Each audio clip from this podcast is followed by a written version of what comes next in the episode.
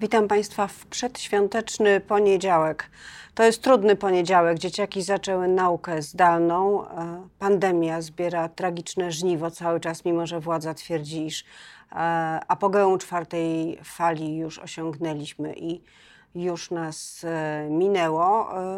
A większość rządząca przyjmuje ważne ustawy. W całej Polsce odbyły się protesty przeciwko Lex TVN.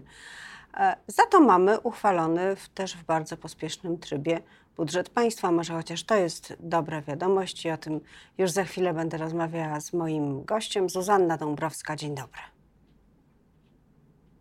Moim gościem jest posłanka Polski 2050 Paulina Hennik-Kloska. Dzień dobry pani poseł. E, zacznijmy od e, Lex TVN, bo to jest coś, co e, rzeczywiście w niedzielę w całej Polsce było bardzo widoczne, a właściwie nie sama ustawa, tylko sprzeciw wobec niej. Są bardzo poważne reakcje międzynarodowe. No ale czy władza musi się tym przejmować? Sprawa jest u pana prezydenta i teraz chyba najważniejsze pytanie to, co on zrobi? Co powinien zrobić, bo powinien e, oczywiście odrzucić e, tę ustawę. Nie ma sensu odsyłać e, tej ustawy do Trybunału Konstytucyjnego i tam przez wiele miesięcy ją mrozić, wzbudzając niepokój w narodzie. Nie ma tym bardziej sensu jej podpisywać, bo ona jest szkodliwa dla polskiej demokracji i nie ma zgody społecznej na takie ruchy rządu, co było wczoraj widać na ulicach. E, ale w gruncie rzeczy mm, chodzi tu o pewien większy obrazek, który tą ustawą rząd próbuje załatwić. Dobrze wiemy, że mamy najwyższe, mm, no chyba nie przesadzę mówiąc, że w historii ostatniej przynajmniej dwóch dekad podwyżki cen gazu i prądu. Mamy y, ogromne problemy z y, najdroższymi cenami, z rosnącym ubóstwem w Polsce, które doskwiera już nie tylko po pandemii, ale także właśnie y, w związku z wzrostem cen. Mamy rząd, który nie radzi sobie z pandemią i mamy ogromne niepokoje za wschodnią granicą, coraz bardziej obrastającego w piórka i stroszącego te piórka Putina, który y, zażądał właśnie od Stanów Zjednoczonych nie tylko Ukrainy w swojej strefie wpływów, ale także wycofania e, wojsk z Polski, wojsk amerykańskich. To jest y, cały bardzo niebezpieczny obrazek, który z jednej strony pokazuje, że mamy ogromny regres e, po stronie naszych portfeli, z drugiej strony narastające niebezpieczeństwa i w Pani poseł, dobie takich kryzysów Pani poseł, rząd ale... zaczyna wojnę wewnątrz, no, kolejną wojnę wewnątrz kraju. No właśnie, ale to po pierwsze nie tylko wewnątrz kraju, ale także na zewnątrz, bo słyszeliśmy, jaka była reakcja Stanów Zjednoczonych, a można spodziewać się y, następnych już nie tylko wypowiedzi i stanowisk, ale i y, faktów. I trochę mi się nie mieści w głowie, że po to, żeby przykryć problemy, y, o których Pani przed chwilą powiedziała, rząd stwarza sobie następne, e, czyli sam jakby chce chyba doprowadzić do spełnienia tego postulatu o wycofaniu wojsk amerykańskich e, z Polski. Y, czy to jest takie gaszenie pożaru benzyną? No, oczywiście, że to jest gaszenie pożaru benzyną, natomiast w tym wszystkim logiki w postępowaniu rządu nie ma już od dawna.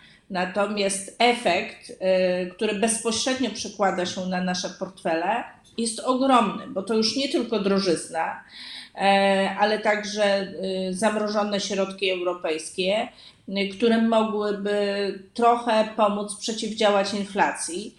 E, w związku z tym, że moglibyśmy w przyszłym roku napędzać chociażby PKP nie przez e, konsumpcję, ale przez e, inwestycje i mielibyśmy na to środki z góry, a nie musielibyśmy na nie brać kredytu i moglibyśmy zacząć rozwiązywać te kluczowe problemy, które musimy rozwiązać, żeby chociażby zatrzymać rosnące ceny prądu, bo w tych środkach europejskich największa pula miała pójść na transformację energetyczną. A tak stoimy w miejscu, Rząd coraz bardziej chaotycznie działa. W państwie panuje chaos cenowy, ceny gigantycznie rosną, e, no a nasze geopolityczne e, otoczenie w coraz gorszym stanie.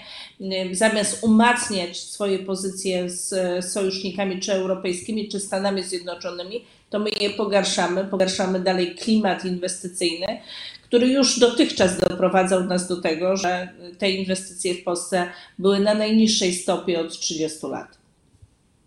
E, mówi Pani o inflacji, która niszczy portfele. Ona rzeczywiście może dojść w grudniu do 9%, nawet być może przekroczyć. Eksperci, e, niezależni eksperci mówią o tym, że przez pierwsze miesiące następnego roku ona będzie się na pewno utrzymywać między 7 i 8, czyli nawet jeśli trochę się obniży, to, to tylko do takiego poziomu. A co w takim razie, jak jest narysowana inflacja w budżecie na 2022 e, rok?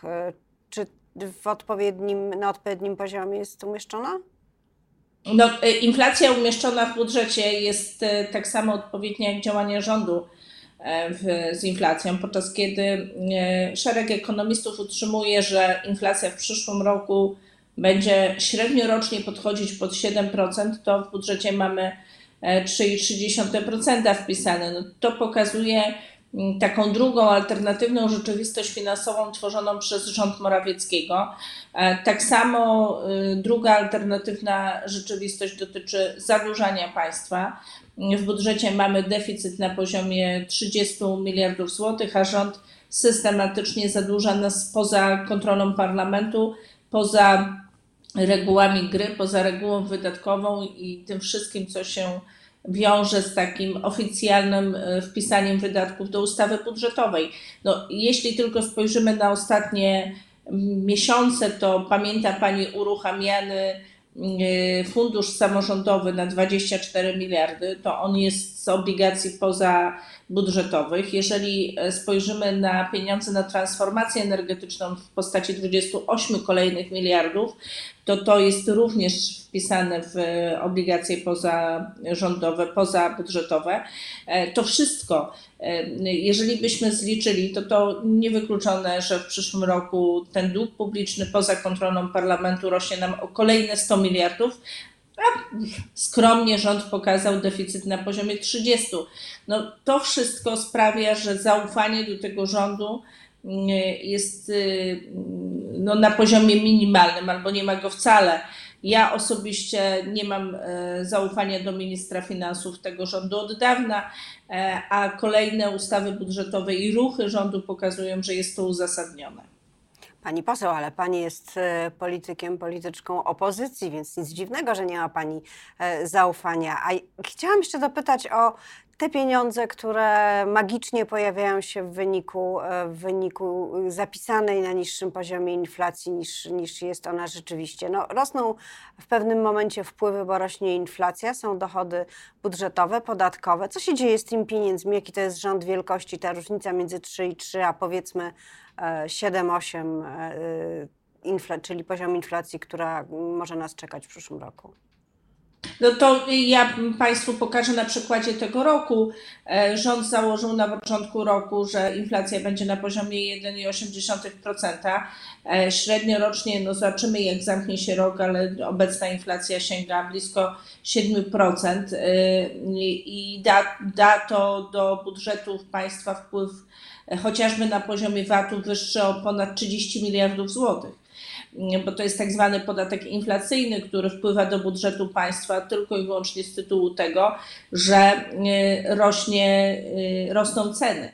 E, w związku z czym beneficjentem inflacji, takim zadowolonym, sytym, jest rząd. I mam wrażenie, że to jest główny powód, dla którego chodzą i się cieszą, e, podczas kiedy my, obywatele, każdego dnia tracimy pieniądze, e, czy to poprzez wyższe ceny w trakcie zakupów, czy to poprzez utratę części oszczędności, bo przecież stopy procentowe wciąż są też dalekie od e, od wzrostu cen. Więc obywatele tracą, płacąc wyższe rachunki, obywatele tracą na oszczędnościach, a rząd się cieszy i kaszuje wyższe wpływy do budżetu państwa. No z samego tytułu VAT w tym roku mm, ma wpłynąć więcej, ponad 33 miliardy. Zobaczymy, jak to się finalnie zamknie, bo ta inflacja faktycznie pod koniec roku poszybowała znacznie.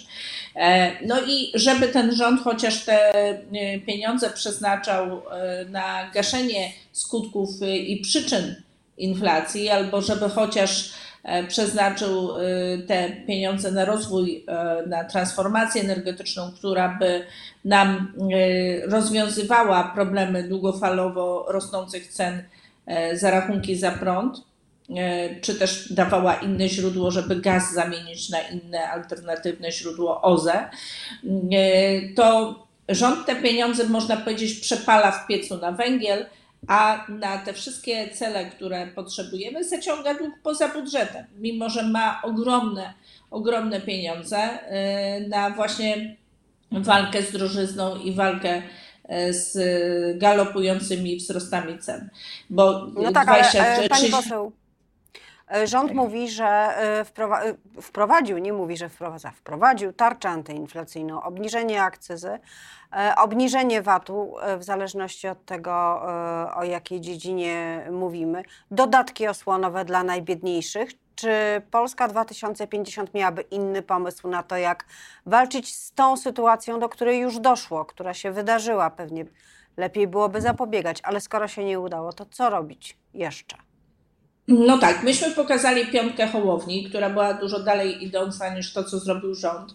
Piątka Hołowni dotyczyła kierunkowo, zresztą mam wrażenie, że rząd y, przejął piątkę Hołowni i próbuje ją wdrażać, tylko w bardzo nieudolny i skąpy sposób bo myśmy mówili o obniżce VAT-u do 27%, myśmy mówili faktycznie o obniżce rachunków za, cen, za ceny prądu i gazu, wskazując też na źródła finansowania. Mówiliśmy o tym, że koniecznie trzeba e, wstrzymać e, realizację ustawy o Polskim Ładzie, która będzie takim kolejnym bodźcem inflacyjnym.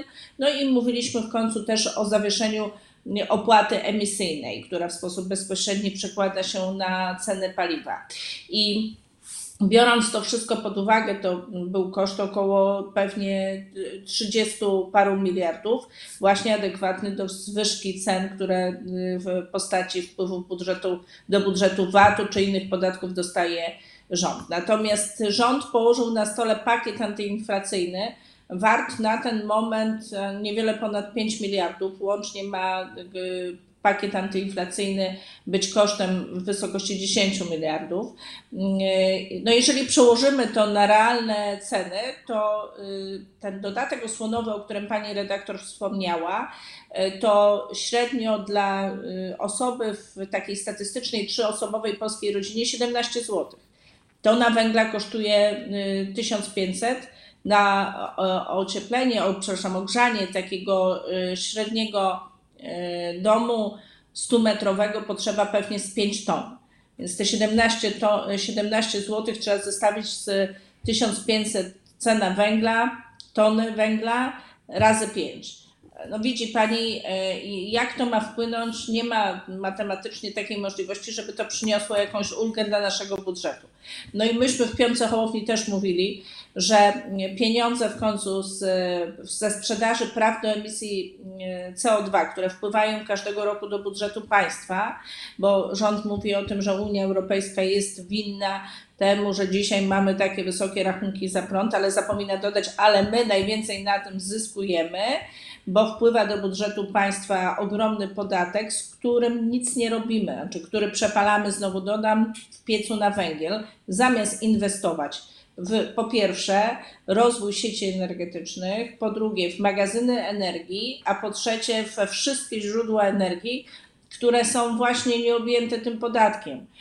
Czyli jeżeli... Pani poseł, ale, tym, ale tymczasem e, cała koncepcja e, indywidualnego użycia e, OZE, no, e, koronny przykład fotowoltaiki pokazuje, że Polska idzie w inną stronę i mimo, że się mówi o dekarbonizacji, osiągnięciu celów nie tak ambitnych jak unijne, ale jednak pewnej ewolucji, mimo że mówią o tym politycy ministrowie, e, to praktyka jest taka, że ci, którzy chcieli e, zainwestować w fotowoltaikę lub już to zrobili, mogą spodziewać się najgorszego, ponieważ sieć jest niewydolna i nie ma gdzie magazynować tej e, energii, więc to troszeczkę jest ślepa uliczka. Wszystkie te kalkulacje związane z OZE chyba na razie. No, y, ślepa uliczka nie. Rząd po prostu cały czas y, broni e, węgla. Właśnie takimi ruchami staje po stronie wielkich spółek, e, a nie po stronie obywateli. E, I zamiast rozwijać OZE, to cały czas e, przycina tej branży skrzydła. No, mieliśmy w przeszłości już wstrzymanie rozwoju y, tych wszystkich turbin wiatrowych, które dostarczały y, już sporo czystej, nieopodatkowanej energii y, do naszego systemu sieci energetycznych, no to wstrzymano cały rozwój branży w 2017 roku. E, W tym roku mamy skok na fotowoltaikę, bo zdaniem rządu jest ona zbyt droga w utrzymaniu. Tymczasem 1%, ponad 1% źródeł energii wytworzyli oddolnie, przeprowadzając, można powiedzieć, transformację energetyczną na własny rachunek i na własny koszt obywatele z lekką dopłatą z środków z Unii Europejskich, z Unii Europejskiej.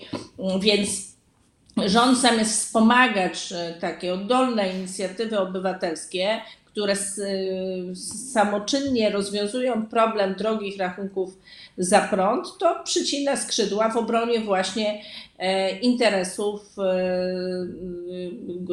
wszystkich związanych z branżą wydobywania węgla i produkcji energii z węgla, bo inaczej tego nazwać nie można, nas narażając poseł- dalej na te drogie rachunki, na te wysokie rachunki. Na koniec ostatnie pytanie, takie już e, bardziej polityczne. Pojawiła się inicjatywa zgłaszana przez Lewicę, że opozycja mogłaby pomyśleć o tym, e, zrobić taki ruch wyprzedzający, zanim e, zostanie ustalone przed wyborami, kto z kim na jakiej liście startuje, to żeby zgłosić wspólnego kandydata na premiera, na szefa rządu. I że e, taka wizja wspólnego rządu, pomijając wcześniejszy problem list wyborczych wspólnych lub nie, mogłaby pokazać wyborcom, że opozycja ma e, wspólny pomysł na to, jak rządzić Polską e, po wyborach i niekoniecznie mm, potrzebne są do tego ustalenia, kto ma jakie miejsce. Podoba się Pani taka koncepcja? Znaczy, zlanie y, opozycji w jedną listę w mojej ocenie nie jest y, najlepszym rozwiązaniem, y, bo to jest maksymalizacja strat przy niekoniecznie maksymalnym zysku dla opozycji. To pokazują różne badania. Myślę, że jeżeli mielibyśmy mówić o, o takim podziale na listy, to y, dobrze byłoby stworzyć, y, zagrać wariant czeski i stworzyć w Polsce e, taką dwa bloki opozycyjne. I to jest obszar, o którym mówimy. Co do premiera, ja nic nie mam przeciwko temu, by na czele rządu stanęła młoda kobieta. Nie mam tutaj na myśli siebie, ale jest wiele wspaniałych w Polsce e, kobiet, e, które nawet spoza świata polityki e, miałyby dobry dryg do tego, by pokierować pracami rządu, a w Europie jest wiele takich przy, przykładów, e, które pokazują, że e, kobiety potrafią świetnie radzić sobie na takich e, stanowiskach. My zaś przede wszystkim potrzebujemy oczywiście człowieka z wizją, e, no młodszego pokolenia. Dla mnie liderem jest e, oczywiście Szymon Hołownia, świetnie przygotowany e, do roli e, pełnienia również szefa rządu. Em, Człowiek przede wszystkim, który stanie na czele rządu, musi mieć wizję odpowiedzi na wszystkie wyzwania, przed którymi stoi nasz kraj i chęcia wzięcia tej, tej wizji na swoje barki. A tych wyzwań jest naprawdę wiele. Młoda kobieta na czele rządu to jest ożywcza wizja na poniedziałek przedświąteczny do rozważenia. Bardzo dziękuję pani poseł za rozmowę. Paulina Henik-Kloska, Polska 2050. Dziękuję bardzo.